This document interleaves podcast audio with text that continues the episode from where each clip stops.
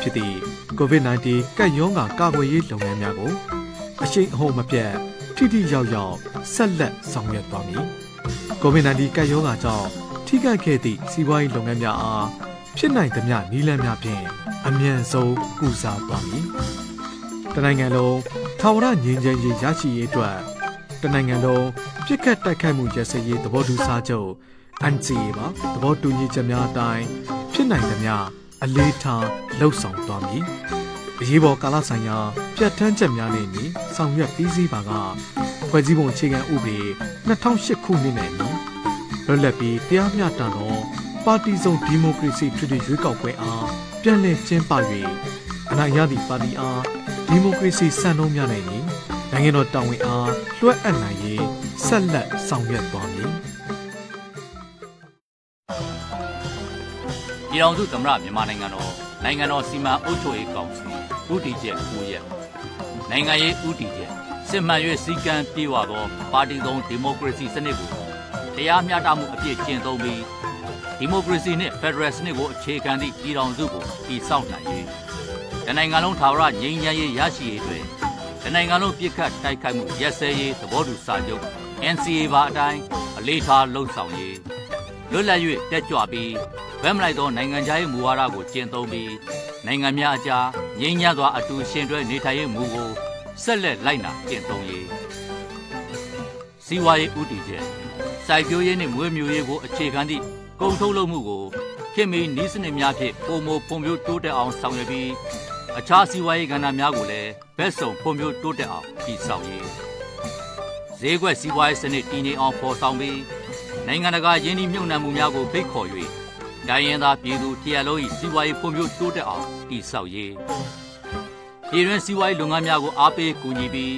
နိုင်ငံတော်၏ထုတ်ကုန်များစွာထုတ်လုပ်နိုင်သည့်အလောက်ကိုင်းအခွင့်အလမ်းများဆောင်ရွက်ဖော်ဆောင်ရေးလူမှုရေးဥတီချက်စစ်မှန်သောမျိုးချစ်စိတ်ဓာတ်ဖြစ်သည့်ပြည်တော်စုစိတ်ဓာတ်ရှင်သန်ထက်မြက်ရေးတိုင်းသားလူမျိုးအပေါင်းတို့၏ဒလေထုံနှံအစဉ်လာများကိုလေးစားလိုက်နာပြီး အမျိုးသားယဉ်ကျေးမှုဇယိုက်လက္ခဏာများမပြောက်ပြက်အောင်ထိမ့်သိမ်းစောင့်ရှောက်ရေးတမျိုးသားလုံးကျမ်းမာကြံ့ခိုင်ရေးနှင့်ပညာရေးမြင့်မာရေး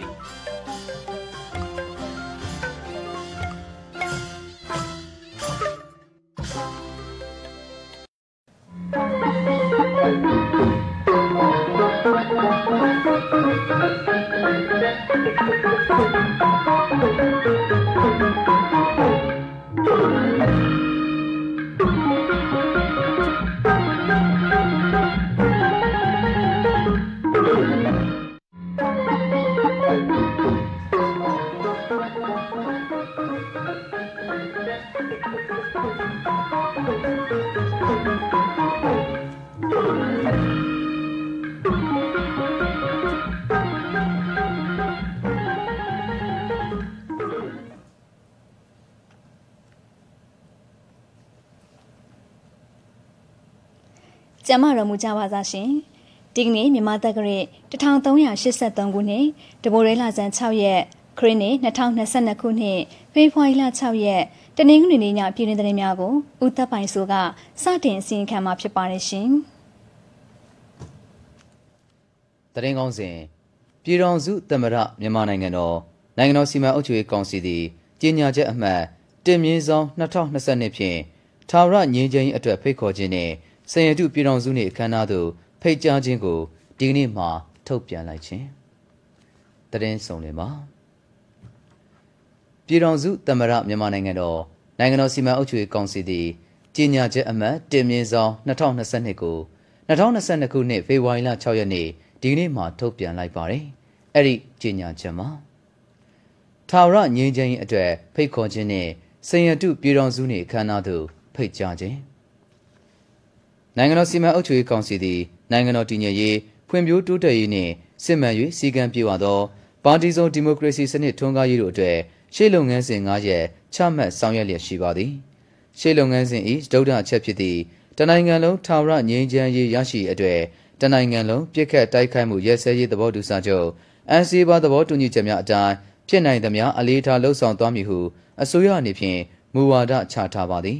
အဆိုပါလုပ်ငန်းစဉ်ကို အကောင့်ထဲဖော်နိုင်ရန်နိုင်ငံတော်စီမံအုပ်ချုပ်ရေးကောင်စီသည်ငြိမ်းချမ်းရေးလုပ်ငန်းစဉ်များအားစဉ်ဆက်မပြတ်အကောင့်ထဲဖော်လျက်ရှိပြီးငြိမ်းချမ်းရေးနှင့်ပတ်သက်၍ NCA အတိုင်းအလေးထားအကောင့်ထဲပေါ်ဆောင်ရွက်လျက်ရှိပါသည်တမတော်နေဖြင့်2018ခုနှစ်ဒီဇင်ဘာလ22ရက်နေ့မှစ၍2022ခုနှစ်ဖေဖော်ဝါရီလ28ရက်နေ့အထိပြစ်ခတ်တိုက်ခိုက်မှုရဲစဲရေးအတွေ့ထုတ်ပြန်ချက်ပေါင်းအကြိမ်20ပြုလုပ်ပေးခဲ့ပြီးပြစ်ခတ်တိုက်ခိုက်မှုရဲစဲပေးခဲ့ပါသည် 2022ခုနှစ်ဇန်နဝါရီလ9ရက်နေ့နဲ့10ရက်နေ့တွင်မြန်မာနိုင်ငံသို့အလုသဘောရောက်ရှိခဲ့သည့်အာဆီယံအလဲကျဥက္ကဋ္ဌကမ္ဘောဒီးယားဝန်ကြီးချုပ်နှင့်တွေ့ဆုံမှုပြီးနှစ်နိုင်ငံသဘောတူထုတ်ပြန်ချက်တွင်ယခုနှစ်ကုန်ပိုင်းထိပြစ်ခတ်တိုက်ခိုက်မှုရဲစဲရေးကိုဆောင်ရွက်ပေးသွားမည်ဖြစ်ကြောင်းထုတ်ပြန်ကြေညာခဲ့ပြီးဖြစ်ပါသည်နိုင်ငံတော်စီမံအုပ်ချုပ်ရေးကောင်စီဥက္ကဋ္ဌနိုင်ငံတော်ဝန်ကြီးချုပ်၏2022ခုနှစ်နှစ်သက်ကူနှုတ်ခွန်းဆက်စကားတွင်2022ခုနှစ်ဟာ အရေးပါတဲ့နှစ်ပဲဖြစ်ပါတယ်။လာမယ့်ဖေဖော်ဝါရီလ12ရက်နေ့ဟာစင်ရတုပြည်တော်စုနှစ်ဖြစ်ပြီး2023ခုနှစ်ဇန်နဝါရီလ4ရက်နေ့ဟာစင်ရတုလွတ်လပ်ရေးနှစ်ဖြစ်တဲ့အတွက်နိုင်ငံတော်၏အချုပ်အခြာအာဏာပုံမှုခိုင်မာစေဖို့တိုင်းပြည်ဖွံ့ဖြိုးတိုးတက်ခြင်းအသီးပွင့်တွေနဲ့ပြည့်စုံဖို့အရေးကြီးပါတယ်။ဒါကြောင့်ဒီနှစ်မှာငင်းချမ်းရေးအတွေ့ခြေလန်းတင်များစရပါမယ်။မိမိတို့ရဲ့ရှေ့လုပ်ငန်းစဉ်၅ရဲ့ဒုဒ္ဒအချက်ထဲမှာလည်းဖော်ပြပြီးဖြစ်လို့တက်ဆိုင်သူများ အဖွဲ့အစည်းများအားလုံးငင်းချမ်းရေးအတွက်ဆွေးနွေးနိုင်ဖို့ဖိတ်ခေါ်လိုပါတယ်ဟုပြောကြားခဲ့ပြီးဖြစ်သည်မြန်မာနိုင်ငံလွတ်လပ်ရရှိခဲ့သည်မှာ85နှစ်ခန့်ရှိပြီဖြစ်တော်လဲပြည်တွင်းလက်နက်ကင်ပြိပခါများကြောင့်နိုင်ငံတော်၏အချုပ်အခြာအာဏာခိုင်မာမှုနှင့်တိုင်းပြည်၏ဖွံ့ဖြိုးတိုးတက်ရေးမှာရှိသင့်သလားမရှိဘဲခွန်အားများစွမ်းအားများဆုံးရှုံးလျက်ရှိပါသည်၎င်းခွန်အားစွမ်းအားများကိုနိုင်ငံတော်ဖွံ့ဖြိုးတိုးတက်ရေးအတွက်စွမ်းအားပြည့်အသုံးပြုနိုင်ရန်အတွက် ထာဝရငြိမ်းချမ်းရရှိဖို့လိုအပ်ပါသည်ဒီမိုကရေစီနှင့်ဖက်ဒရယ်စနစ်ကိုအခြေခံသည့်ပြည်ထောင်စုကိုတည်ဆောက်ရေးအတွက်ထာဝရငြိမ်းချမ်းရရှိရေးသည်လွန်စွာအရေးကြီးပါသည်ဒီမိုကရေစီနှင့်ဖက်ဒရယ်စနစ်ကိုအခြေခံသည့်ပြည်ထောင်စုကိုတည်ဆောက်ရေးနှင့်ဆက်လင်း၍နိုင်ငံရေးပါတီအများစုမှလည်း၅နှစ်အတွင်းဒီမိုကရေစီနှင့်ဖက်ဒရယ်စနစ်ကိုအခြေခံသည့်ပြည်ထောင်စုကိုတည်ဆောက်နိုင်ရေးဥတီဆွေးနွေးခဲ့ကြပါသည်အမျိုးသားစည်းလုံးညီညွတ်ရေးနှင့်ထာဝရငြိမ်းချမ်းရေးအတွက်အမျိုးသားစည်းလုံးညီညွတ်ရေးနှင့် ငြိမ်းချမ်းရေးဖော်ဆောင်မှုဘိုးကော်မတီလုပ်ငန်းကော်မတီနှင့်ညီနိုင်ကော်မတီ၃ရပ်ကိုဖွဲ့စည်းဆောင်ရွက်လျက်ရှိပါသည်ငြိမ်းချမ်းရေးဆိုင်ရာညှိနှိုင်းကော်မတီသည်ယနေ့အထိ NC လက်မှတ်ရေးထိုးပြီးသည့်တိုင်းသားလက်နက်ကိုင်ဖွဲ့စည်းများနှင့်16ကြိမ် NC လက်မှတ်ရေးထိုးထားခြင်းမပြုသေးသောတိုင်းသားလက်နက်ကိုင်အဖွဲ့အစည်းများနှင့်9ကြိမ်နိုင်ငံရေးပါတီများနှင့်9ကြိမ်ဘာသာရေးခေါင်းဆောင်များငြိမ်းချမ်းအကျိုးဆောင်အဖွဲ့များနှင့်2ကြိမ်စုစုပေါင်း34ကြိမ်တွေ့ဆုံခဲ့ပါသည် နိုင်ငံတော်စီမံအုပ်ချုပ်ရေးကောင်စီနှင့်ဖြင့်ထာဝရငြိမ်းချမ်းရေးအတွက်တိုင်းသားလက်နက်ကိုင်ဖွဲ့စည်းများနှင့်ဆွေးနွေးပွဲများပြုလုပ်နိုင်ရေးဆက်လက်စီမံဆောင်ရွက်လျက်ရှိပါသည်အကြမ်းဖက်အုပ်စုအဖြစ်ကြီးညာထားသည့်အဖွဲ့အစည်းများမှအပါ NC လက်မှတ်ရေးထိုးထားသည့်တိုင်းသားလက်နက်ကိုင်အဖွဲ့အစည်းများသာမက NC လက်မှတ်မရေးထိုးရသေးသည့်တိုင်းသားလက်နက်ကိုင်အဖွဲ့အစည်းများကိုပါထာဝရငြိမ်းချမ်းရေးအတွက်ဆွေးနွေးရန်ဖိတ်ခေါ်ပါသည်ထို့သောငြိမ်းချမ်းရေးဆွေးနွေးရာတွင်ဆွေးနွေးမိအကြောင်းအများနှင့်ပတ်သက်၍ ကြိုတင်ကန့်သက်ချက်မထားဘဲတတ်နိုင်သလောက်လွတ်လွတ်လပ်လပ်နှီးနှောဖလှယ်နိုင်ရန်ရည်ရွယ်ချက်ထားရှိကြောင်းလည်းအလေးထားဖော်ပြအပ်ပါသည်နိုင်ငံတော်၏ရှေးဆက်လက်ဆောင်ရွက်မည့်လုပ်ငန်းစဉ်၃ရက်အနေဖြင့်အမျိုးသားရေးလုပ်ငန်းစဉ်၂ရက်မှာတိုင်းပြည်တာယာဝါပြောရေးနှင့်စားရရိတ်ခါဖူလုံရေးဖြစ်ခနိုင်ငံရေးလုပ်ငန်းစဉ်၂ရက်မှာစစ်မှန်စည်းကမ်းပြည့်ဝသည့်ပါတီစုံဒီမိုကရေစီစနစ်ခိုင်မာစေနှင့်ဒီမိုကရေစီနှင့်ဖက်ဒရယ်စနစ်ကိုအခြေခံသည့် ပြည်ထောင်စုတည်ဆောက်ရေးဖြစ်ပါသည်သို့ဖြစ်၍ငြိမ်းချမ်းရေးနှင့်ချုပ်ချာအာဏာတည်တဲ့ခိုင်မြဲရေးလုပ်ငန်းစဉ်ဖြင့်ယခုနှစ်မှစ၍ငြိမ်းချမ်းရေးအတွေ့ခြေလန်းတင်များစတင်မည်ဖြစ်ပါသည်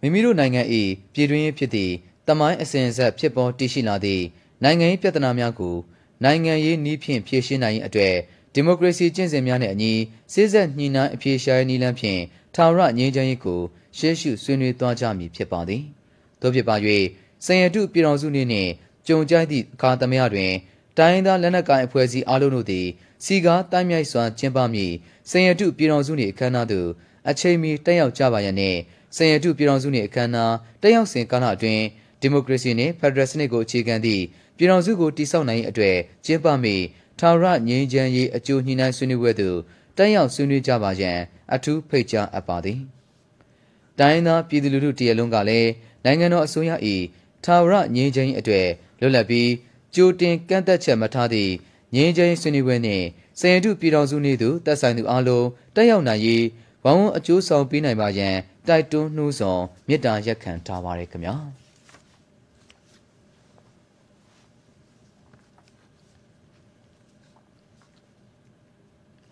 နိုင်ငံတော်စီမံအုပ်ချုပ်ရေးကောင်စီဖွဲ့များဖြစ်ကြတဲ့ဗိုလ်ချုပ်ကြီးတယောင်ဆန်းဖက်ဒိုမန်းကြီးမောင်ဒေါ်အေးနုစိန်ဦးမောင်ဟာတို့ဟာရခိုင်ပြည်နယ်ဝန်ကြီးချုပ်ဒေါက်တာအောင်ကျော်မင်းအနောက်ပိုင်းတိုင်းစစ်ဌာနချုပ်တိုင်းမူဗိုလ်ချုပ်ထင်လက်ဦးပြည်နယ်ဝန်ကြီးများနဲ့အတူဒီနေ့မနက်ပိုင်းမှာစစ်တွေမျိုးလောကနန္ဒာဇေတော်မြတ်ကြီး လှိုင်းကူတော်အတွင်ကိန်းဝတ်စံပေတော်မူလက်ရှိတဲ့ဗုဒ္ဓရုပ်ပေါင်းတော်မြတ်နဲ့ဇေတော်မြတ်ကြီးဝင်းအတွင်ရှိအောင်ဆက်ကြမူနီတိန်တော်မြတ်ကြီးမှာကင်းဝတ်စံပေတော်မူလက်ရှိတဲ့စัจ जा မူနီသွန်းဆက်တော်ရှင်းအောင်ဗုဒ္ဓရုပ်ပေါင်းတော်မြတ်တို့အားပန်းရည်ချမ်းစီမီကက်လိုပူဇော်ဖုံးမြော်ကြီးညိုကြကအလူငွေများပေးရလူတန်းခဲ့ကြပါတယ်။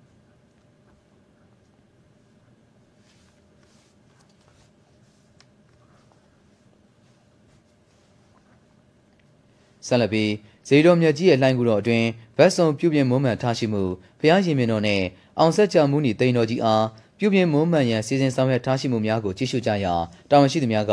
ပြုပြင်မွမ်းမံမှုများနဲ့ပတ်သက်ပြီးလိုက်လံရှင်းလင်းပြသခဲ့ကြပါတယ်။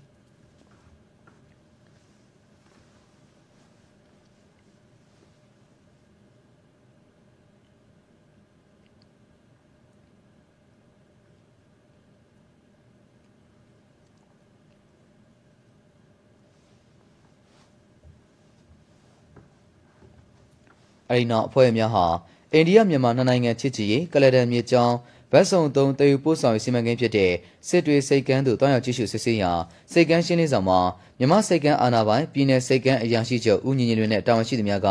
တိစောက်ပြီးစီးတဲ့စိတ်ကန်းတရားနဲ့ကျောတော်နောက်ခံစိတ်ကန်းဆောင်များစစ်တွေမြို့မှာကလဒန်မြေကြောင်းတစ်လျှောက်ချင်းပြည်နယ်ပလောဝမြို့ထိတောင်တူးချင်းလုပ်ငန်းဆောင်ရွက်နိုင်ခဲ့မှုအခြေအနေများ ချင်းကတနာပါဝင်တဲ့ပလဝစိတ်ကန်းတိဆောက်ခြင်းစိတ်ကန်းဝင်းအတွင်ရုံးနှင့်ဆက်ဆက်အဆောက်အုံများတိဆောက်ပေးစီမှုအခြေအနေများစစ်တွေစိတ်ကန်းအဝင်းရေလန်းကျောင်းနှင့်ကလဒန်မြေကျောင်းတစ်လျှောက်ရေကျောင်းပြအမှတ်သားများတက်ဆင်ထားရှိမှုအခြေအနေများစိတ်ကန်းမှာရေရင်လန်းကျောင်းတူးဖော်နေမှုအခြေအနေများပလဝမြို့မှာမြန်မာအိန္ဒိယနယ်စပ်အထိအဝေးပြေမော်တော်ကားလမ်းဖောက်လုပ်မဲ့အခြေအနေများပါဝင်ကလဒန်မြေကျောင်းဘတ်စုံသုံးဖြတ်တန်းတည်ယူပို့ဆောင်ရေးစီမံကိန်းဆိုင်ရာချက်လက်များနဲ့ဆက်လင်းပြီးရှင်းလင်းတင်ပြကြရာ နိုင်ငံတော်စီမံအုပ်ချုပ်ရေးကောင်စီအဖွဲ့ဝင်ဗိုလ်ချုပ်ကြီးတယောင်ဆန်းကလိုအပ်တာများပေါင်းဆက်ညီနိုင်ဆောင်ရွက်ပေးခဲ့ပါတယ်။ဆက်လက်ပြီးအဖွဲ့များဟာစစ်တွေစိတ်ခန္ဓာနဲ့စိတ်ခန္ဓာအနီးမှာတောင်တူးဖော်နေမှုအခြေအနေများရေရင်များစိုက်ကပ်ထားရှိမှုများကိုကြည့်ရှုခဲ့ကြပါတယ်။အဆိုပါကလဒန်မြစ်ကြောင်းဗတ်ဆောင်သောစီမံကိန်းဟာမြန်မာနဲ့အိန္ဒိယနှစ်နိုင်ငံကုန်သွယ်မှုအခွင့်အလမ်းပုံမရရှိစေခြင်းပြည်ပဆိုင်ရာစိတ်ကမ်းများပေါ်ပေါက်လာကအိန္ဒိယနိုင်ငံနှင့်သာမကအခြားနိုင်ငံများနှင့်ပါတိုက်ရိုက်ကုန်သွယ်နိုင်မှာဖြစ်ခြင်း ရခိုင်ပြည်နယ်နဲ့ချင်းပြည်နယ်တို့မှာလမ်းမဆက်သွယ်ရေးပုံမကောင်းမွန်လာကဒေသဖွံ့ဖြိုးတိုးတက်မှုကိုများစွာအထောက်အကူဖြစ်စေခြင်းဒေသခံပြည်သူများအားလောက်ကိုင်းခွင့်လန်းများပုံမရရှိစေခြင်းဒေသခံများနေဖြင့်ရေချောင်းတွားလာမှုကိုအခြေခံတဲ့ကမ္ဘာလက်ခီးသွွားများနဲ့ပတ်သက်တဲ့အခွင့်အလမ်းများရရှိလာနိုင်ခြင်းစတဲ့အကျိုးကျေးဇူးများရရှိလာမှာဖြစ်ကြောင်းသိရှိရပါတယ်ခင်ဗျာ85နှစ်မြောက်စရင်တုပြည်တော်စုနေ့ကိုကျိုးဆိုဂုဏ်ပြုသောအဖြစ် ရန်ကုန်တိုင်းဒေသကြီးမြောက်ကလပမြို့နယ်ရှိမြန်မာလက်မှုအမှုပညာစင်တာ MHC ဖွင့်ပွဲအသေးစားစက်မှုလက်မှုနှင့်လက်မှုအမှုပညာထုတ်ကုန်ပစ္စည်းပြပွဲနှင့်ဈေးရောက်ပွဲတော်ဖွင့်ပွဲခမ်းနားကိုဖေဖော်ဝါရီလ9ရက်နေ့ကကျင်းပခဲ့ရမှာတမဝိုင်မနဲ့ကျေးလက်ဖွံ့ဖြိုးရေးဝန်ကြီးဌာနပြည်တော်စုဝန်ကြီးဦးလှမိုးကမြန်မာလက်မှုအမှုပညာစင်တာကိုမြန်မာရိုးရာပန်းဆယ်မျိုးလက်မှုအမှုပညာလုပ်ငန်းများချင်းတန်ဖွံ့ဖြိုးစေရန်တိမ်ကောပပျောက်မှုမရှိစေရန် မြန်မာလက်မှုအမှုပညာရည်ကျိမှုများရေရှည်တည်တံ့စေရန်ရိုးရာလက်မှုလုပ်ငန်းများကိုအားပေးမြင့်တင်ရန်နိုင်ငံတော်မှာရှိတဲ့လက်မှုအမှုပညာများကိုတနေရာထဲမှာလေ့လာနိုင်ဖို့အတွက်မြန်မာလက်မှုတွေများပြည်ပသို့တင်ပို့နိုင်ဖို့အတွက်ဈေးကွက်မြင့်တင်ပေးရန်အိမ်တွင်တပိုင်းတနိုင်စက်မှုလက်မှုလုပ်ငန်းများဖွံ့ဖြိုးတိုးတက်ရေးကိုအားပေးမြင့်တင်ရန်စတဲ့ရွေးချက်များနဲ့ပွင့်လင်းဆောင်ရွက်ပေးခဲ့ခြင်းဖြစ်ပါကြောင်းအလားစဉ်ပစ္စည်းများနဲ့တိုင်းဒေသကြီးပြည်နယ်အသီးသီးတို့မှထွက်ရှိတဲ့ လက်မှုအမှုပညာပစ္စည်းအမျိုးမျိုးတို့ကိုပြသရောင်းချပေးသွားမှာဖြစ်တဲ့အတွက်မြန်မာလက်မှုအမှုပညာများနဲ့အတံမွေးဝမ်းကြောင်းပြည်သူများရဲ့စီးပွားရေးဖွံ့ဖြိုးတိုးတက်မှုကိုအထောက်အကူဖြစ်စေမှာဖြစ်ပါကြောင်းမြမြန်မာလက်မှုလူပညာရှင်များလက်မှုပညာရပ်များကိုအားပေးမြင့်တင်ပေးခြင်းအပြင်နိုင်ငံတော်ရဲ့လူမှုစီးပွားဖွံ့ဖြိုးတိုးတက်ရေးကိုအထောက်အကူပြုမှာဖြစ်တယ်လို့လက်တော်ကြုံတွေ့နေကြရတဲ့အလောက်ကိုင်းခွင့်လန်းရှားပါမှုပြဿနာများကိုလည်းဖြေရှင်းပေးတဲ့အပြင်မျိုးဆက်သစ်လက်မှုလူပညာရှင်လူငယ်များရဲ့အခမ်းကဏ္ဍကိုလည်းမြင့်တင်ပေးရရောက်ပါကြောင်း လက်မှုအမှုပညာပစ္စည်းများကိုထုတ်လုပ်မှုအလိုက်ခွဲခြားကာအသင်းဖွဲ့များအစုဖွဲ့များဖွဲ့စည်းပေးခြင်းကြေးရွာတရွာထုတ်ကုန်တစ်မျိုးထုတ်လုပ်နိုင်တဲ့ဒေသများကိုအားပေးမြင့်တင်ခြင်းထောက်ပံ့ကူညီခြင်းတွေကိုအသေးစားဆက်မှုလက်မှုလုပ်ငန်းဦးစီးဌာနကအဓိကတာဝန်ယူဆောင်ရွက်ကြရမှာဖြစ်တယ်လို့ပုံမခိုင်မာအားကောင်းပြီးရည်မှန်းချက်များအကောင့်ထဲပေါ်ဆောင်ရွက်နိုင်စေဖို့အတွက်တမဝိုင်မှာဦးစီးဌာနကျေးလက်ဒေသဖွံ့ဖြိုးတိုးတက်ရေးဦးစီးဌာနတို့မှလည်းပူးပေါင်းဆောင်ရွက်ပေးကြရမှာဖြစ်ပါကြောင်းပြောကြားခဲ့ပါတယ်။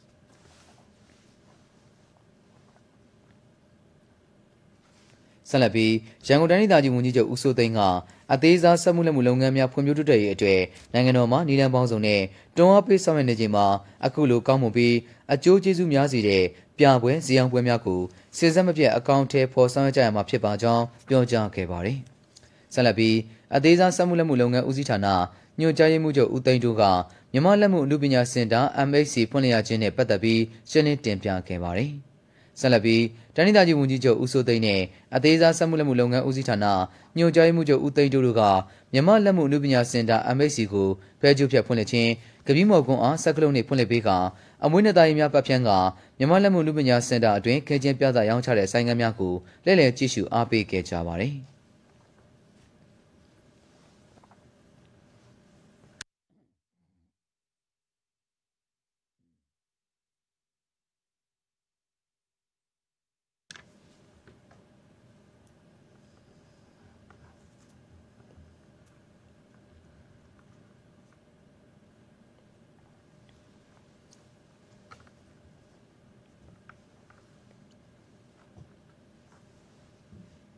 အဲဒီနောက်အသေးစားစက်မှုလက်မှုနဲ့လက်မှုအမှုပညာထုတ်ကုန်ပစ္စည်းပြပွဲဈေးရောင်းပွဲရန်ကုန်ဖွင့်ပွဲကိုပြည်တော်စုဝန်ကြီးတန်းဒေသကြီးဝန်ကြီးချုပ်နဲ့တန်းဒေသကြီးစီးပွားရေးဝန်ကြီးတို့ကဖဲကျိုးပြဖွင့်လှစ်ခါအသေးစားစက်မှုလက်မှုနဲ့လက်မှုအမှုပညာထုတ်ကုန်ပစ္စည်းပြပွဲဈေးရောင်းပွဲရန်ကုန်အတွင်းခင်းကျင်းပြသရောင်းချတဲ့ဆိုင်ကမ်းများကိုကြည့်ရှုအားပေးခဲ့ပါတယ်။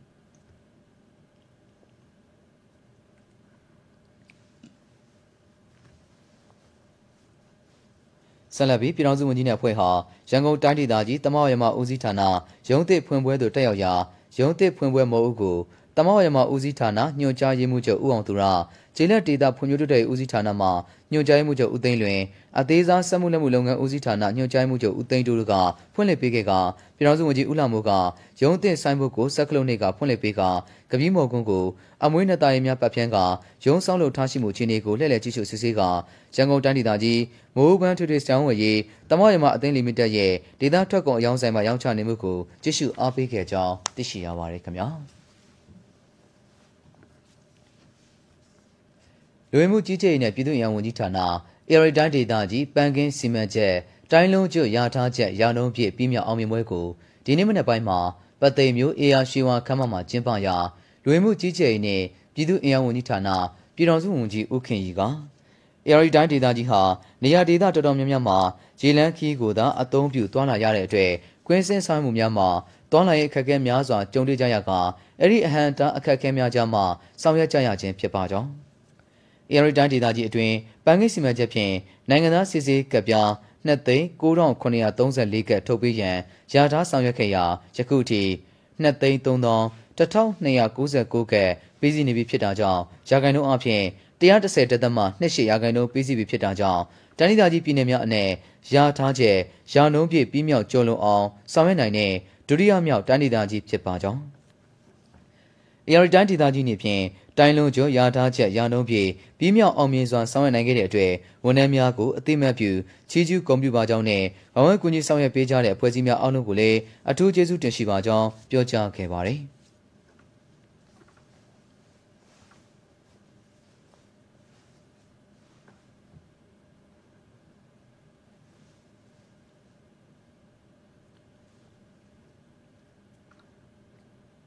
အဲဒီနောက်တိုင်းဒေသကြီးဝန်ကြီးချုပ်ဦးတင်မောင်ဝင်းကတိုင်းလုံးကျွရထားချက်ရာနှုန်းပြည့်ပြီးမြောက်အောင်အကောင့်ထဲပေါ်ဆန်းမှုနဲ့ပတ်သက်ပြီးရှင်းလင်းပြောကြားခဲ့ပါတယ်။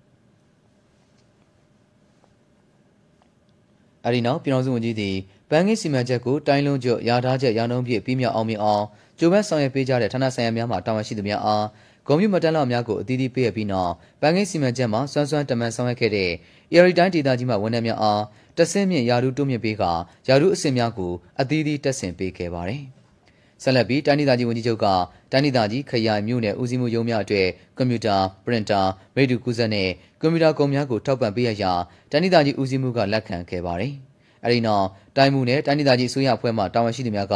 ပန်းကိန်းစီမံချက်အောင်မြင်အတွေ့ပံ့ပိုးကူညီဆောင်ရွက်ပေးကြတဲ့တိုင်းဒေသကြီးအတွင်းရှိခရိုင်နှင့်မြို့နယ်များမှအုပ်ချုပ်မှုများနဲ့ဦးစီးမှုများအားဂုဏ်ပြုမှတ်တမ်းလွှာများကိုအသီးသီးပေးအပ်ခဲ့ကြပါသည်။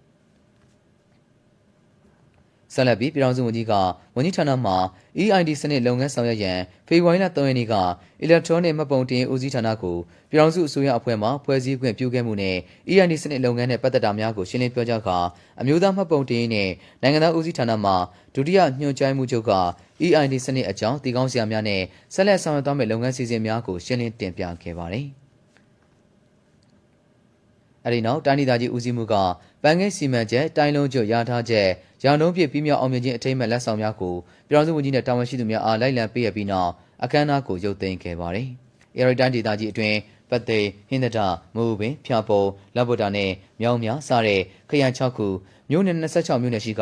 ပန်းငယ်စီမံချက်ဖြင့်နိုင်ငံသားစစ်ဆေးကပြား2သိန်း9934ကထုတ်ပေးရန်ယာထားဆောင်ရွက်ခဲ့ရမှာယခု 2သိန်း3299ကရာခိုင်နှုန်းအပြင်130တက်သမ28ရာခိုင်နှုန်းဆောင်ရွက်ထုတ်ပေးနိုင်ခဲ့တဲ့အတွက်တိုင်းလုံးကျော်ယာထားချက်ရာခိုင်နှုန်းပြည့်မီပြည့်မြောက်ခဲ့ခြင်းဖြစ်ကာမှတ်တမ်းမှတ်ရာစင်စရာအလုံးကိုသက်ဆိုင်ရာတာဝန်ရှိသူများကအတည်ပြုလက်မှတ်ရေးထိုးထားပြီးလည်းဖြစ်ပါတယ်။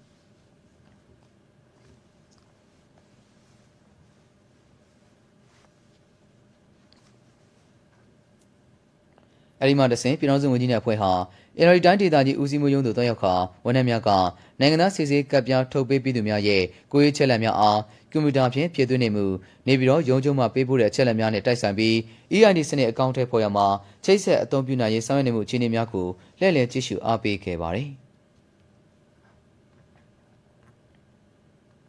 မွန်လယ်ပိုင်းမှာပြည်တော်စုဝန်ကြီးသည်ပတ်သိမ်မျိုးအေယာရှိဝါခမ်းမမှာပင်အေရီတိုင်းဒေသကြီးအတွင်းရှိ တိုင်းခရိုင်မြို့နယ်ဦးစီးမှုရုံးများမှဝန်ထမ်းများအားတွေ့ဆုံပြီးနိုင်ငံတော်အတွက်မဖြစ်မနေဆောင်ရမယ့်နိုင်ငံသားထိန်းသိမ်းဆိုင်ရာစီမံခန့်ခွဲမှုစနစ်2024ခုနှစ်လူဦးရေနဲ့အိမ်အကြောင်းအရာတကောင်စရင်ကောက်ရွေလုပ်ငန်းနဲ့ EID စနစ်လုပ်ငန်းများအကောင့်ထဲပေါ်ရေးအတွက်ဆက်လက်ကြိုးပမ်းဆောင်ရွက်နိုင်တဲ့အခြေအနေများနဲ့ဆက်လက်ပြီးအကြံတွင်ရှင်းလင်းမှကြားခဲ့ကြောင်းသိရှိရပါတယ်ခင်ဗျာ။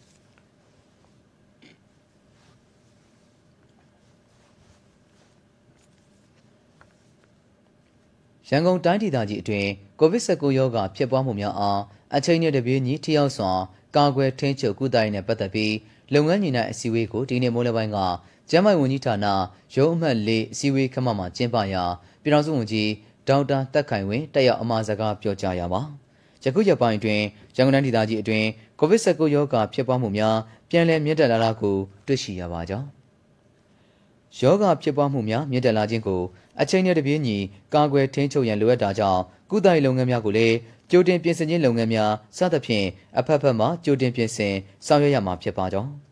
ယောဂကာကွယ်လုပ်ငန်းများကုသရေးလုပ်ငန်းများဆောင်ရွက်မှာအချိန်နဲ့တပြေးညီတုံ့ပြန်ဆောင်ရွက်နိုင်ရေးယောဂတန်တရားလူနာများနေဖြင့်၎င်းအတီးပြလူနာများနှင့်အနီးကပ်ထိတွေ့ခဲ့သူများအနေဖြင့်၎င်းယောဂပိုးရှိမရှိအမြန်စစ်ဆေးနိုင်တဲ့ပိုးတွေ့ရှိပါကလည်းအမြန်ဆုံးကုသဆောင်ရှောက်မှုများပေးနိုင်ရေးကြိုတင်စီစဉ်ဆောင်ရွက်ရန်ဖြစ်ပါကြောင်း အဲဒီလိုဆောင်ရွက်မှာခရိုင်များကိုအခြေပြုပြီးအရေးပေါ်တုံ့ပြန်ဆောင်ရွက်ရေးအဖွဲ့များနဲ့လူနာဂရင်စီမံခန့်ခွဲမှုကော်မတီများဖွဲ့စည်းထားရှိပြင်ဆင်ဆောင်ရွက်မှာဖြစ်ပါကြောင်းပြောကြားခဲ့ပါတယ်။အဲဒီနောက်ပြည်သူ့ကျန်းမာရေးဦးစီးဌာန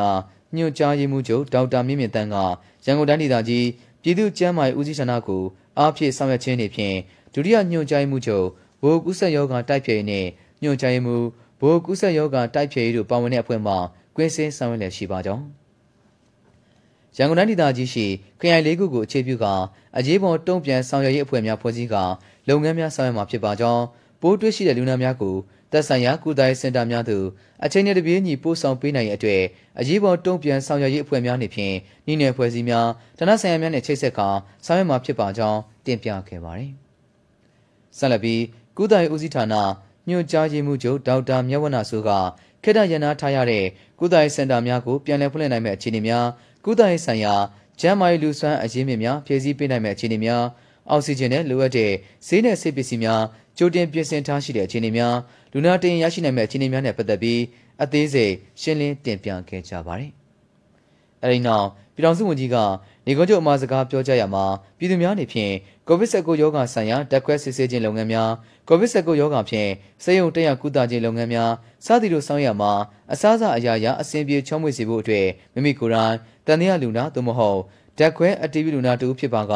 မည်သို့ဆောင်ရွက်မည်ဆိုတာကိုစဉ်းစားကာယောဂကာကွယ်ထိန်းချုပ်ကုသရေးလုပ်ငန်းများကိုဗတ်ပေါင်းစုံမှကြိုတင်ပြင်ဆင်ဆောင်ရွက်မှာဖြစ်ပါကြောင်းပြည်သူများအနေဖြင့်ယောဂကာကွယ်နည်းလမ်းများကိုတတိပြုကာအလေးထားဆောင်ရွက်ကြစေရေးကာကွယ်ဆေးထိုးနှံခြင်းလုပ်ငန်းများမှာတက်ကြွစွာပူးပေါင်းပါဝင်ဆောင်ရွက်ကြစေဖို့အတွက်ကျန်းမာရေးအသိပညာမြင့်တင်လုပ်ငန်းများကိုတိုးမြင့်ဆောင်ရွက်ရန်ဖြစ်ပါကြောင်းနဲ့ဝန်ကြီးဌာနအနေဖြင့်လိုအပ်တာများကိုအချိန်နဲ့တပြေးညီ ပံ့ပိုးဆောင်ရွက်ပေးမှာဖြစ်ပါကြောင်းပြောကြားခဲ့တယ်လို့သိရှိရပါတယ်ခင်ဗျာ။ဆောင်းလိန်ဝန်ကြီးဌာနပြည်ထောင်စုဝန်ကြီးဦးရွှေလေးသည်ဖေဖော်ဝါရီလ9ရက်နေ့ညနေပိုင်းမှာရခိုင်ပြည်နယ်စစ်တွေမြို့လမ်းဦးစီးဌာနညွှန်ကြားမှုရုံးမှပြည်내အတွင်းရှိအဆောင်အုံလမ်းတဒါမြို့ပြနဲ့အိမ်ယာဖွံ့ဖြိုးရေးဦးစီးဌာနနဲ့ကျေးလက်လမ်းဖွံ့ဖြိုးရေးဦးစီးဌာနတို့မှညွှန်ကြားရေးမှူးဒုတိယညွှန်ကြားရေးမှူးလက်ထောက်ညွှန်ကြားရေးမှူးများဝန်ထမ်းများနှင့်တွေ့ဆုံခဲ့ပြီး နိုင်ငံတော်စီမံအုပ်ချုပ်ရေးကောင်စီစတင်တောင်းယူတဲ့အချိန်ကစတင်က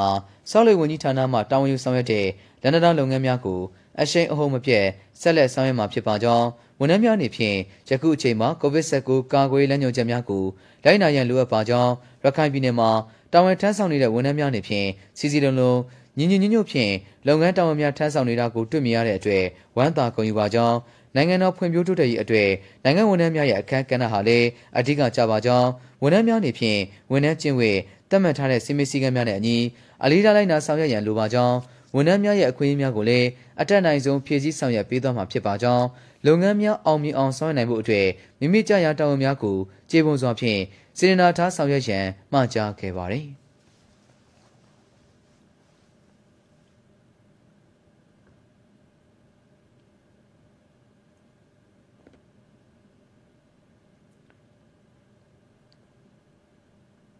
အဲဒီနောက်လမ်းဦးစီးဌာနမြို့ပြနဲ့အိမ်ယာဖွံ့ဖြိုးရေးဦးစီးဌာနနဲ့ကျေးလက်လမ်းဖွံ့ဖြိုးရေးဦးစီးဌာနတို့မှဒုတိယညွှန်ကြားမှုချုပ်များနဲ့အင်ဂျင်နီယာချုပ်တို့ကတပ်ဆိုင်ရာဦးစီးဌာနအလိုက်ဝန်ထမ်းကြီးရာကိစ္စများနဲ့ပတ်သက်ပြီးလွှဲတာများကိုမှာကြားခဲ့ပါတယ်။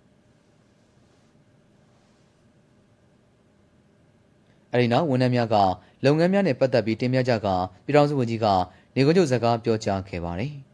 ပြည်ထောင်စုဝန်ကြီးဦးရွှေလေးသည်ဖေဖော်ဝါရီလ6ရက်နေ့ဒီနေ့မနက်ပိုင်းမှာစက်ရိုးကြတရားသို့ရောက်ရှိပြီးတရားကြန့်ခိုင်မှုကိုကြီးစုစစ်ဆေးကတာဝန်ရှိသူများအားပင်လယ်နှင့်နီးကပ်စွာတည်ရှိတဲ့တရားဖြစ်တဲ့အတွက်ပင်လယ်စားငံရေးကြောင့်ပျက်စီးမှုမရှိစေရေးကြက်မှတ်စစ်ဆေးပေးရန်နှင့်တရားတိုင်များရဲ့ကြန့်ခိုင်မှုကိုအမြဲမပြတ်ကြီးစုစစ်ဆေးရန်မှာကြားခဲ့ကြောင်းသိရှိရပါတယ်ခင်ဗျာ။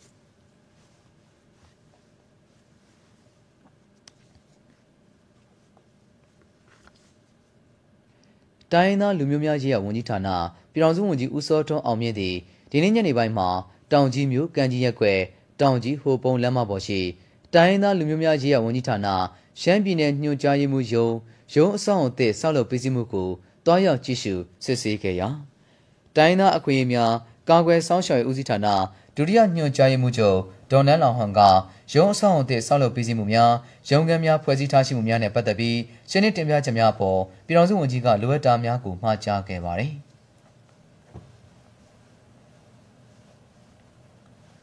အဲဒီနောက်ပြည်ထောင်စုဝန်ကြီးသည်ရှမ်းပြည်နယ်ညွှန်ကြားရေးမှူးချုပ်အစောအုံတဲ့အစည်းအဝေးခန်းမမှာဝန်ထမ်းများနဲ့တွေ့ဆုံပြီးနိုင်ငံအကျိုးပြုလုပ်ငန်းများဆောင်ရွက်မှာစိတ်စေနာကောင်းထားရှိပြီးအာကျိုးမှန်တဲ့ဆောင်ရွက်ကြရန်လိုအပ်ပါကြောင်း တိုင်းသားလူမျိုးအချင်းချင်းနဲ့တိုင်းသားတစ်မျိုးနဲ့တစ်မျိုးကြားစီလုံးညီညွတ်မှုရရှိစေရတို့အတွက်မျက်ခြေမပြတ်ဝမ်းဝကူညီဆောင်ရွက်ကြရမှာဖြစ်ပါကြောင်းစီလုံးညီညွတ်မှငြင်းချမ်းဖော်ဆောင်နိုင်မှာဖြစ်ခါငြင်းချမ်းမှဖွံ့ဖြိုးရေးလုပ်ငန်းများဆောင်ရွက်နိုင်မှာဖြစ်ပါကြောင်းတိုင်းသားစာပေနဲ့ယဉ်ကျေးမှုအသင်းဖွဲ့များနဲ့စင်စက်မပြတ်တွေ့ဆုံဆွေးနွေးကာကျောင်းနှင့်အရွယ်ကလေးများအလုံးပညာသင်ကြားနိုင်ရေး TA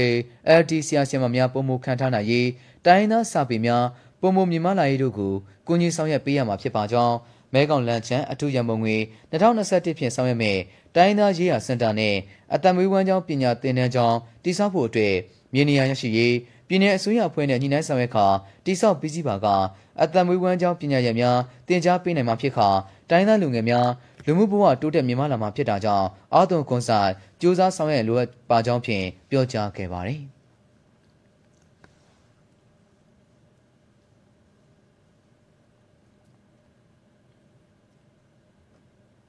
အဲဒီနောက်တိုင်းသားအခွင့်အရေးများကာကွယ်စောင့်ရှောက်ရေးဦးစီးဌာနဒုတိယညွှန်ကြားမှုချုပ်ကတိုင်းသားရေးရာစင်တာနဲ့အတံမွေးဝမ်းကျောင်းပညာသင်တန်းကျောင်းတည်ဆောက်ဖို့အတွက်မြေနေရာရရှိလုပ်ငန်းများဆောင်ရွက်ထားရှိမှုနဲ့ပတ်သက်ပြီးရှင်းလင်းတင်ပြရာပြည်ထောင်စုဝန်ကြီးကလိုအပ်တာများကိုမှာကြားခဲ့ပါတယ်။ရှမ်းပြည်နယ်ညွှန်ကြားမှုရုံးရုံးအဆောင်အသင်းဟာ2020-2021ဘဏ္ဍာရေးနှစ်ပြည်ထောင်စုဘဏ္ဍာရမုံငွေကွန်မြူငွေကျပ်315.66တန်းဖြင့်တိစောက်ခဲ့ကအာဆီနယ်ထက်ဆောင်ဖြစ်က2021ခုနှစ်စက်တင်ဘာလမှာတိစောက်ပြီးစီးခဲ့ကြောင်းလည်းသိရှိရပါတယ်ခင်ဗျာ။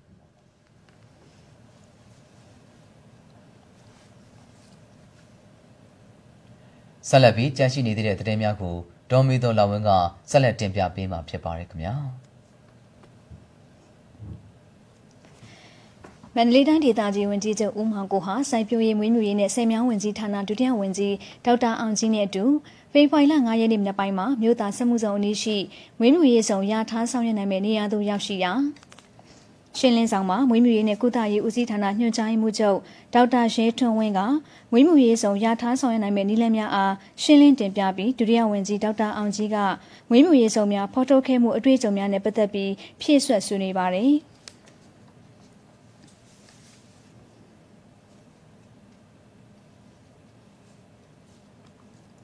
အဲဒီနောက်တန်းဒေသကြီးဝန်ကြီးချုပ်ကဒေသနဲ့ကန့်ရည်မဲ့မွေးမြူရေးစိုက်ပျိုးရေးလုပ်ငန်းများကိုအသိပညာရှင်အတတ်ပညာရှင်နဲ့ပေါင်းစပ်ပြီးဆောင်ရွက်သွားကြရမှာဖြစ်ကြောင်းဖြည့်ဆွတ်ဆွေးနွေးခဲ့ပါတယ်။ အဲဒီနောက်တရက်ချိုပင်ကျေးရွာနီးမွေးမြူရေးဆောင်ရထားနေရမှာရေရရှိဖို့တိစောက်မဲ့ရှိုပိတ်တမန်1နှစ်3နေရာသို့ရောက်ရှိလာရာဆယ်မြောင်းနဲ့ရေသုံးချမှုစီမံခန့်ခွဲရေးဦးစီးဌာနညွှန်ကြားရေးမှူးဦးစောမင်းနိုင်ကရေရရှိဖို့တိစောက်မဲ့ရှိုပိတ်တမန်များရှာထားမှုရေရရှိနိုင်မဲ့ပမာဏတို့ကိုရှင်းလင်းတင်ပြရာတာနီတာကြီးဝန်ကြီးချုပ်နဲ့ဒုတိယဝန်ကြီးကလိုအပ်တာများပေါင်းဆက်ဆောင်ရွက်ပေးခဲ့ပြီးနောက်ရှိုပိတ်တမန်ဆောင်ရွက်နေမှုကိုကြည့်ရှုပြီးလုပ်ငန်းခွင်အန်ရီကင်းရှင်းရေးစံချိန်စံညွှန်းကိုင်ရေးတို့ကိုမှာကြားခဲ့ပါတယ်။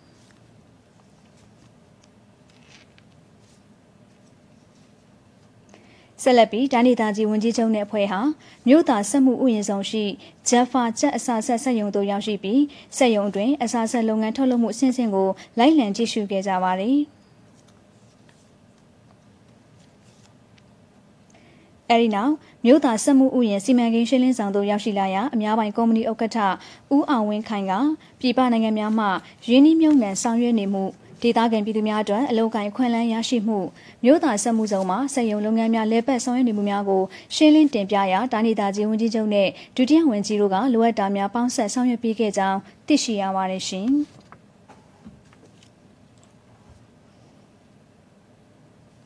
နေပြည်တော်မှာကျင်းပမယ့်85နှစ်မြောက်စည်ရတုပြည်ထောင်စုနေ့ဂုံပြုဖျော်ဖြေပွဲမှာရိုးရာယဉ်ကျေးမှုအကများဖြင့်ဖျော်ဖြေတင်ဆက်ကြမယ့်တိုင်းဒေသကြီးနဲ့ပြည်နယ်များမှတိုင်းသားရိုးရာယဉ်ကျေးမှုအဖွဲ့များဟာဒီကနေ့နေ့ပိုင်းမှာနေပြည်တော်ရှိအထင်ကြီးနေရာများသို့တွားရောက်လေ့လာကြပါတယ်။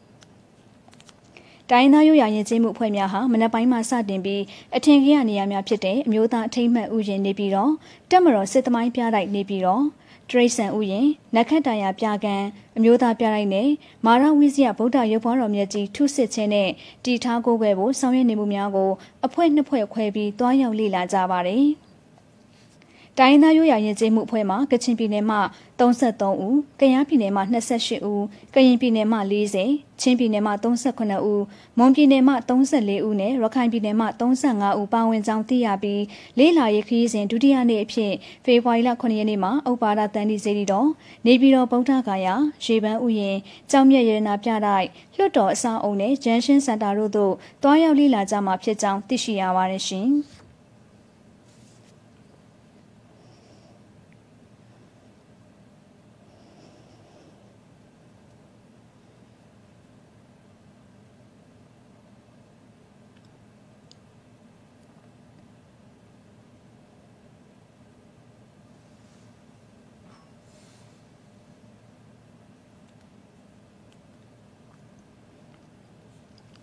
စကိုင်းတိုင်းဒေသကြီးရေဦးမြို့နယ်တွင်အဖျက်အမှောက်လုပ်ငန်းများဆောင်ရွက်ဖို့အတွက်တောင်ပြင်ငယ်ကျေးရွာစာတင်ကျောင်းတွင်ရောက်ရှိနေတဲ့ PDF အမည်ခံအကြမ်းဖက်သမားများအားဒီကနေ့မှာလုံခြုံရေးတပ်ဖွဲ့များကတွားရောက်ချေမှုန်းတိုက်ခိုက်ခဲ့ပါတယ်။ဖြစ်စဉ်မှာစကိုင်းတိုင်းဒေသကြီးကဏီမြို့နယ်ဝင်းမနာကျေးရွာရှိနေမြေကန်ရဲစခန်းနဲ့လုံခြုံရေးတပ်ဖွဲ့ဝင်များအားဖေဖော်ဝါရီလ9ရက်နေ့မနက်ပိုင်းမှာ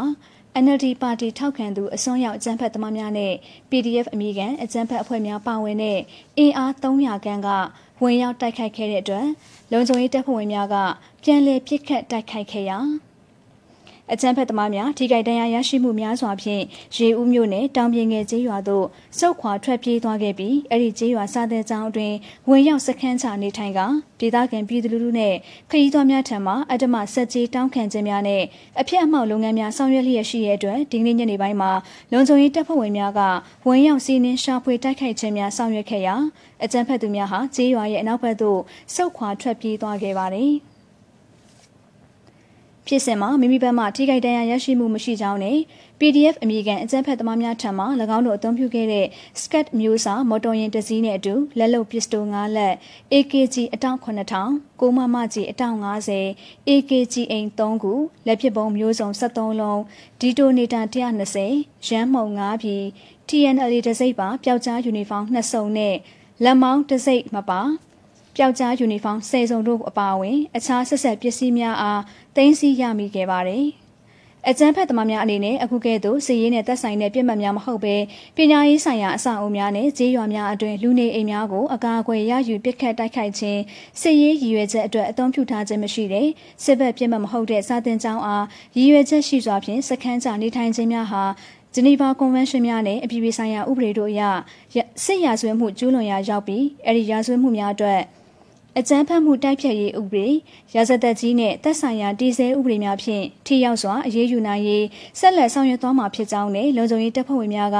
နေမြေလုံခြုံရေးလုပ်ငန်းများဆက်လက်ဆောင်ရွက်လျက်ရှိကြောင်းသိရှိရပါတယ်ရှင်။ အကြမ်းဖက်အုပ်စုအဖြစ်ကြေညာထားတဲ့ CRPH NUG နဲ့ရင်းတို့ရဲ့လက်အောက်ခံအဖွဲ့အစည်းများရင်းတို့နဲ့ဆက်နွယ်နေတဲ့အဖွဲ့အစည်းများလူပုဂ္ဂိုလ်များဟာနိုင်ငံတော်တည်ငြိမ်အေးချမ်းရေးကိုပြပြစေဖို့နဲ့ပြည်သူလူထုကိုအကြောက်တရားများဖြစ်ပေါ်စေပြီးအစိုးရရန်ရာများပြပြစေဖို့ရည်ရွယ်ပြီးလှုံ့ဆော်ခြင်းဝါဒဖြန့်ခြင်းချင်းချောက်ခြင်းများကိုလူမှုကွန်ရက်များမှတဆင့်နှီးမျိုးစုံဖြင့်ပြုလုပ်ရရှိပါတယ်။ပြည်သူများအနေနဲ့ရင်းတို့ရဲ့လှုံ့ဆော်မှုဝါဒဖြန့်မှုများအပေါ် မတိနာမလဲ၍ဖြစ်စေကြောက်ရွံ့၍ဖြစ်စေလိုက်ပါလှုပ်ဆောင်ခြင်းအတန်ဖြင့်ဖြစ်စေပြုလုပ်မှုဖြင့်ဖြစ်စေတနည်းနည်းဖြင့်ဖြစ်စေအများပြည်သူအနှောက်အယှက်ဖြစ်စေမဲ့ပြုလုပ်မှုများပြုလုပ်ခြင်းလုံစော်ဝါဒဖြန့်မှုများကိုထက်ဆင့်မျှဝေခြင်းအားပေးကူညီခြင်းများပြုလုပ်ခဲ့လျင်အကြမ်းဖက်မှုတိုက်ဖျက်ရေးဥပဒေပုံမှ52ကကြီး ရာဇသက်ကြီးပုံမှ124ကကြီးနဲ့ပုံမှ905ကကြီး electronic ဆက်သွယ်ရေးဥပဒေပုံမှ33ကကြီးနဲ့ဒီဇယ်ဥပဒေများအရအရေးယူခံရမယ့်အပြင်ပြစ်မှုနဲ့သက်ဆိုင်တဲ့ရွှေပြောင်းနိုင်သောပစ္စည်းမရွှေပြောင်းနိုင်သောပစ္စည်းများကိုအကြမ်းဖက်မှုတိုက်ဖြတ်ရေးဥပဒေအရတင်စီခံရနိုင်ပြီးပြစ်မှုထင်ရှားစီရင်ခြင်းခံရပါကနိုင်ငံတော်ဗန္ဒာအဖြစ်တင်စီခံရနိုင်ကြောင်း 2022ခုနှစ်ဇန်နဝါရီလ25ရက်နေ့မှာနိုင်ငံပိုင်မီဒီယာများမှတဆင့်အသိပေးသတင်းထုတ်ပြန်ခဲ့ပြီးဖြစ်ပါတယ်။အဲဒီလိုအတိပေးသတင်းထုတ်ပြန်ခဲ့ပြီးဖြစ်ပေမဲ့လည်းပဲခူးတိုင်းဒေသကြီးပြည်မြို့နယ်စန္နာဝင်းခေါ်မမုံဟာ၎င်းအသုံးပြုတဲ့မုံပြည် Facebook အကောင့်ရွှေတောင်မြို့နယ်မြခွာညိုဦးဟာ၎င်းအသုံးပြုတဲ့မြခွာညိုဦး Facebook အကောင့်ကဝမြို့နယ်ထင်လင်းထက်ဟာ၎င်းအသုံးပြုတဲ့မိုးသွေးညို Facebook အကောင့် ပေါင်းတီမျိုးနဲ့လွဲမာဦးဟာ၎င်းအသုံးပြုတဲ့ပန်းလေးချစ်သူ Facebook အကောင့်မန္တလေးတိုင်းဒေသကြီးပြင်ဦးလင်မျိုးနဲ့ဇေယျမျိုးဟာ၎င်းအသုံးပြုတဲ့ဇေယျမျိုး Facebook အကောင့်မဟာအောင်မြေမျိုးနယ်နေသူများဖြစ်တဲ့ဖြူအေးပွင့်သူရအောင်နဲ့စန်းဝင်းတို့ဟာ၎င်းတို့အသွင်ပြုတဲ့ဖြူအေးပွင့်သူရအောင်နဲ့ဦးစန်းဝင်း Facebook အကောင့်များရမဲသိန်းမျိုးနယ်ဆွေစင်လက်ဟာ၎င်းအသွင်ပြုတဲ့ထက်ငယ်ငယ်ထက်ငယ် Facebook အကောင့် အောင်မြေသာဆန်မြို့နယ်နေဇော်လိုင်းဟာ၎င်းအသွင်ပြုတဲ့ဇော်လိုင်း Facebook အကောင့်မြင်းချံမြို့နယ်မြင့်မြင့်အေးဟာ၎င်းအသွင်ပြုတဲ့မြင့်မြင့်အေး Facebook အကောင့်ရန်ကုန်တိုင်းဒေသကြီးမယန်းကုန်းမြို့နယ်နေအကောင့်ပိုင်ရှင်စီစစ်ဆဲအသုံးပြုတဲ့ဆွေစင် New Facebook အကောင့်ကမာရွမြို့နယ်နေဝနဆိုအသုံးပြုတဲ့ဝနဆိုအဲဒိုပေတာ Facebook အကောင့်တာကေတာမြို့နယ်နေသူများဖြစ်တဲ့တွဲရီဝင်းနဲ့တိမ့်သိမ့်တို့နှစ်ဦးဟာ၎င်းတို့အသုံးပြုတဲ့တွဲရီဝင်းနဲ့တိမ့်သိမ့် Facebook အကောင့် စတဲ့အကောင့်များနဲ့ခရမ်းမျိုး17ရက်ကွက်အမှတ်239နေတိုင်းဒေသကြီးလွှတ်တော်ကိုယ်စားလှယ်အဟောင်းဖြစ်တဲ့လှတိုးဟာ၎င်းအသွင်ပြုတဲ့လှတိုး Facebook အကောင့်တို့ဖြင့်အတိပေးသတင်းထုတ်ပြန်ချက်အပေါ်မျက်ခွေပြုပြီးနိုင်ငံတော်တည်ငြိမ်အေဂျင့်ရေးကိုပြပြစေဖို့ရည်ရွယ်လျက်လှုံ့ဆော်ခြင်းဝါဒဖြန့်ခြင်းများပြုမှုလှုံ့ဆော်ခဲ့တဲ့အတွက်တရားဥပဒေနဲ့အညီဖမ်းဆီးထိန်းသိမ်းအမှုဖွင့်လှစ်အရေးယူခြင်းများဆောင်ရွက်ခဲ့ရပါတယ်။ အဲဒီလို CRPH NUG နဲ့ရင်းတို့ရဲ့လက်အောက်ခံအဖွဲ့အစည်းများရင်းတို့နဲ့ဆက်နွယ်နေတဲ့အဖွဲ့အစည်းများလူပုဂ္ဂိုလ်များဟာနိုင်ငံတော်တည်ငြိမ်အေးချမ်းရေးကိုပြပြစေဖို့နဲ့အစိုးရရန်ရများပြပြစေဖို့ရည်ရွယ်လျက်လုံဆော်ခြင်းဝါဒဖြန့်ခြင်းများပြုလုပ်ခဲ့မှုပေါ်အားပေးကူညီခြင်းပြုလုပ်ခဲ့သူများအားဥပဒေနဲ့အညီထိရောက်စွာအရေးယူသွားမှာဖြစ်ကြောင်းနဲ့လုံဆော်သူဝါဒဖြန့်သူများအားဆက်လက်ဖော်ထုတ်ရေးယူသွားမှာဖြစ်ကြောင်းမိဘပြည်သူများသိရှိနိုင်ရေးအတိပေးသတင်းထုတ်ပြန်ထားပါတယ်ရှင်။ ကျန်းမာရေးဝန်ကြီးဌာနအနေနဲ့နိုင်ငံတွင်းကူးစက်ဖြစ်ပွားနေတဲ့ကိုဗစ် -19 ရောဂါကာကွယ်ကုသထိန်းချုပ်ရေးလုပ်ငန်းများကိုအရှိန်ဟုန်မြင့်ဆောင်ရွက်လျက်ရှိပါတယ်။ကိုဗစ် -19 တန်တရားလူနာများဓာတ်ခွဲအတည်ပြုလူနာနဲ့အနီးကပ်ထိတွေ့ခဲ့သူများနဲ့အသွားအလာကန့်သက်ထားရှိသူများကိုကိုဗစ် -19 ရောဂါရှိမရှိဓာတ်ခွဲစမ်းသပ်စစ်ဆေးခြင်းကိုပုံမှန်ဆောင်ရွက်လျက်ရှိပြီးဖေဖော်ဝါရီလ9ရက်နေ့ည8:00နာရီမှဒီကနေ့ည8:00နာရီတွင်ဓာတ်ခွဲနမူနာစစ်စုပေါင်း 22,333ခုကိုစစ်ဆေးပြီးစီးခဲ့ရာကိုဗစ် -19 ရောဂါတခွဲအတည်ပြုလူနာသစ်332ဦးတွေ့ရှိရပါတယ်။ဒါကြောင့်ဒီနေ့အတွက်ယောဂပိုးတွေ့ရှိမှုရာခိုင်နှုန်းမှာ1.36ရာခိုင်နှုန်းရှိပါတယ်။သို့ဖြစ်ပါ၍ဒီကနေ့ထိတက်ခွဲနမူနာစစ်စုပေါင်း6တန်း9သိန်း21,500တခုအားစစ်ဆေးခဲ့ပြီးကိုဗစ် -19 တက်ခွဲအတည်ပြုလူနာစုစုပေါင်း9သိန်း3,900တဦးရှိပြီဖြစ်ပါတယ်။ ဒီကနေ့မှာစေယုံစင်ခွင့်ရရှိသူ124ဦးဖြစ်တဲ့အတွက်ဒီကနေ့ထိစုစုပေါင်း9သိန်း1486ဦးစေယုံမှစင်ခွင့်ရရှိပြီဖြစ်ပါတယ်။ဒီနေ့မှာလည်းကိုဗစ်19ရောဂါဖြင့်ထပ်မံသေဆုံးသူမရှိတဲ့အတွက်ဒီကနေ့ထိသေဆုံးသူစုစုပေါင်း19310ရှိပါတယ်။ကိုဗစ် -19 ရောဂါကာကွယ်ထိန်းချုပ်ရေးအတွက်တိုင်းဒေသကြီးနဲ့ပြည်နယ်များမှာကိုဗစ် -19 ရောဂါကာကွယ်ဆေးကိုဦးဒီအုပ်စုများသတ်မှတ်ပြီးထိုးနှံပေးလျက်ရှိရာ ဖေဖော်ဝါရီလ9ရက်နေ့အထိလူဦးရေစုစုပေါင်း22တန်းကျော်အားထိုးနှံပေးပြီးဖြစ်တဲ့အတွက်ကာကွယ်ဆေးနှစ်ကြိမ်အပြည့်ထိုးနှံပြီးစီးသူ16တန်းကျော်နဲ့ပထမအကြိမ်ထိုးနှံပြီးစီးသူ3တန်းကျော်ရှိပြီဖြစ်ပါတယ်။သို့ဖြစ်ပါ၍ဖေဖော်ဝါရီလ9ရက်နေ့အထိမြန်မာနိုင်ငံမှာကိုဗစ် -19 ရောဂါကာကွယ်ဆေးအကြိမ်ရေစုစုပေါင်း42တန်းကျော်ထိုးနှံပြီးဖြစ်ပါတယ်။ ကျန်းမာရေးဝန်ကြီးဌာနဟာကိုဗစ် -19 ဗီဇပြောင်းမျိုးကွဲ Omicron နဲ့ပတ်သက်ပြီးယောဂဖြစ်ပွားမှုများကိုမျက်ခြေမပြတ်စောင့်ကြပ်ကြည့်ရှုလျက်ရှိကယောဂကာကွယ်ထိန်းချုပ်ရေးလုပ်ငန်းများကိုဗတ်ပေါင်းဆောင်မှအရှိန်ဟုန်မြင့်တင်ဆောင်ရွက်လျက်ရှိရာကျန်းမာရေးဝန်ကြီးဌာနကအာသွန်ခွန်ဆိုင်ဂျိုးပန်းဆောင်ရွက်နေတဲ့လုပ်ငန်းများကိုကြာရကဏ္ဍမှတက်ကြွစွာပူးပေါင်းပါဝင်ဆောင်ရွက်ပေးကြပါရန်အတိပေးတိုက်တွန်းနှိုးဆော်ထားပါတယ်။ ကိုဗစ် -19 ရောဂါဆိုင်ရာသတင်းအချက်အလက်များကိုကျန်းမာရေးဝန်ကြီးဌာနရဲ့တရားဝင်အင်တာနက်စာမျက်နှာ www.moh.gov.mm မှာဝင်ရောက်ကြည့်ရှုနိုင်ပါတယ်ရှင်။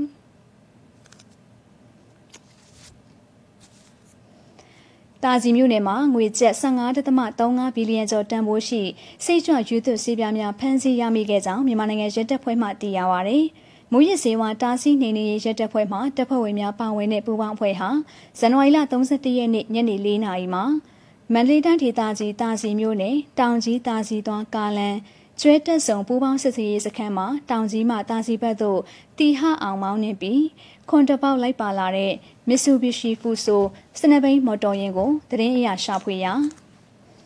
ဒေတာကာလတန်ဖိုးငွေကျပ်15.35ဘီလီယံကျော်တန်ဖိုးရှိစိတ်ကြွရွေးသွဆေးပြား102.35သိန်းသိမ်းဆည်းရမိခဲ့ပြီးတရင်ခွင်းဆက်အရာဖေဖော်ဝါရီလ1ရက်နေ့ညနေ4နာရီခွဲမှာပူပေါင်းအဖွဲ့မှရန်ကုန်မန္တလေးအမြန်လမ်းမကြီးမိုင်းတိုင်းအမှတ်115မိုင်6ဖာလုံအနီးမှာမူရည်စေဝါများတည်ဆောင်ရမှာပူပေါင်းပါဝင်သူမက်နီလာဦးကို Epson မော်တော်ယာဉ်တစ်စီးနဲ့အတူဆက်လက်ဖမ်းဆီးရမိခဲ့ကြောင်း စစ်စည်းဖော်ထုတ်ချက်များအရတင်းစီရမည့်စိတ်ကြွယူသွဆေးပြားများကိုရှမ်းပြည်နယ်တောင်ပိုင်းမှရန်ကုန်တိုင်းဒေသကြီးသို့တည်ဆောင်ခြင်းဖြစ်ကြောင်းသိရှိရတဲ့အတွက်၎င်းတို့သုံးဦးကိုဥပဒေအရအရေးယူဆောင်ရွက်လျက်ရှိကြောင်းသိရှိရပါတယ်ရှင်။